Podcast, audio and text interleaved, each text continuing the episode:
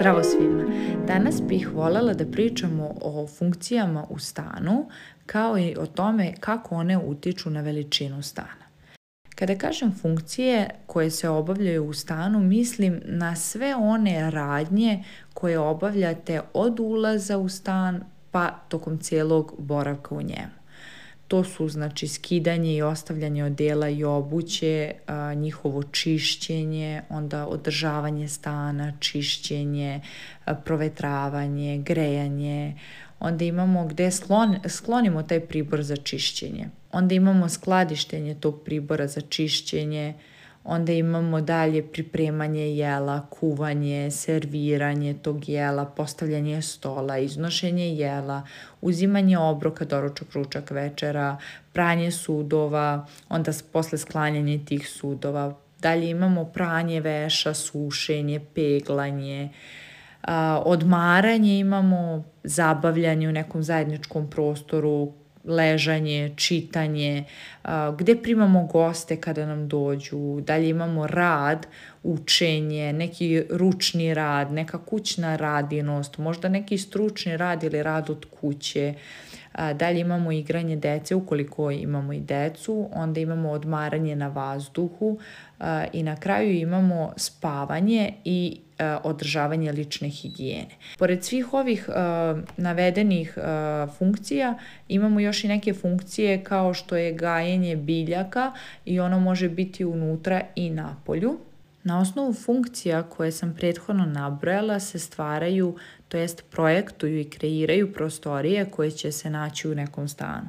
To su predsoblje, hodnik, soba za dnevni boravak, soba za spavanje roditelja, soba za jednu odraslu osobu, soba za decu, a, po, po, dele se po polu. Onda imamo a, kupatilo, garderobu, kuhinju, ostavu i na kraju balkon, lođu ili terasu.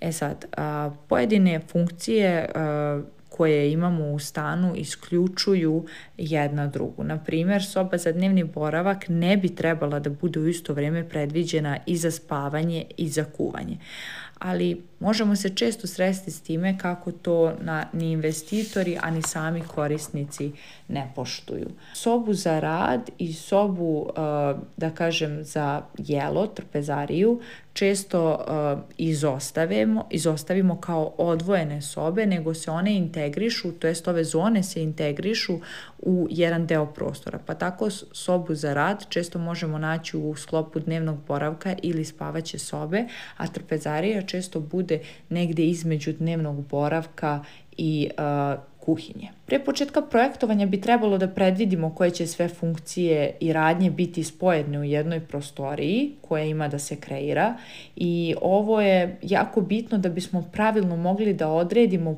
oblik i veličinu svake pojedinačne prostorije, jer se oblik i veličina određuju prema funkcijama koje se obavljaju u tim a, prostorijama.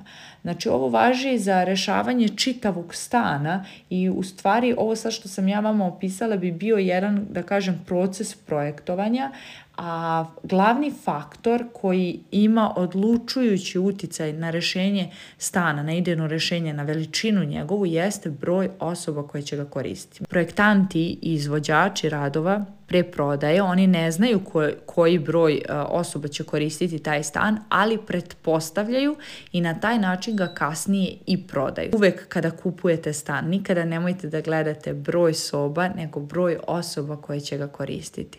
Tako da za dve odrasle osobe koje a, žive same bi bio najmanje dvosoban stan, a za četiri osobe porodicu gde su dva odrasla a, roditelja i dvoje, na primer, dece istog pola bi se gledao trosoban i veći stan.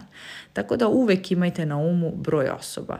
Eto, to je neki, da kažem, mali uvod uh, u sve ono što želim da vam objasnim uh, o kvalitetu stanovanja i na šta biste trebalo da obratite pažnju. Vidimo se u sledećoj epizodi. Ćao!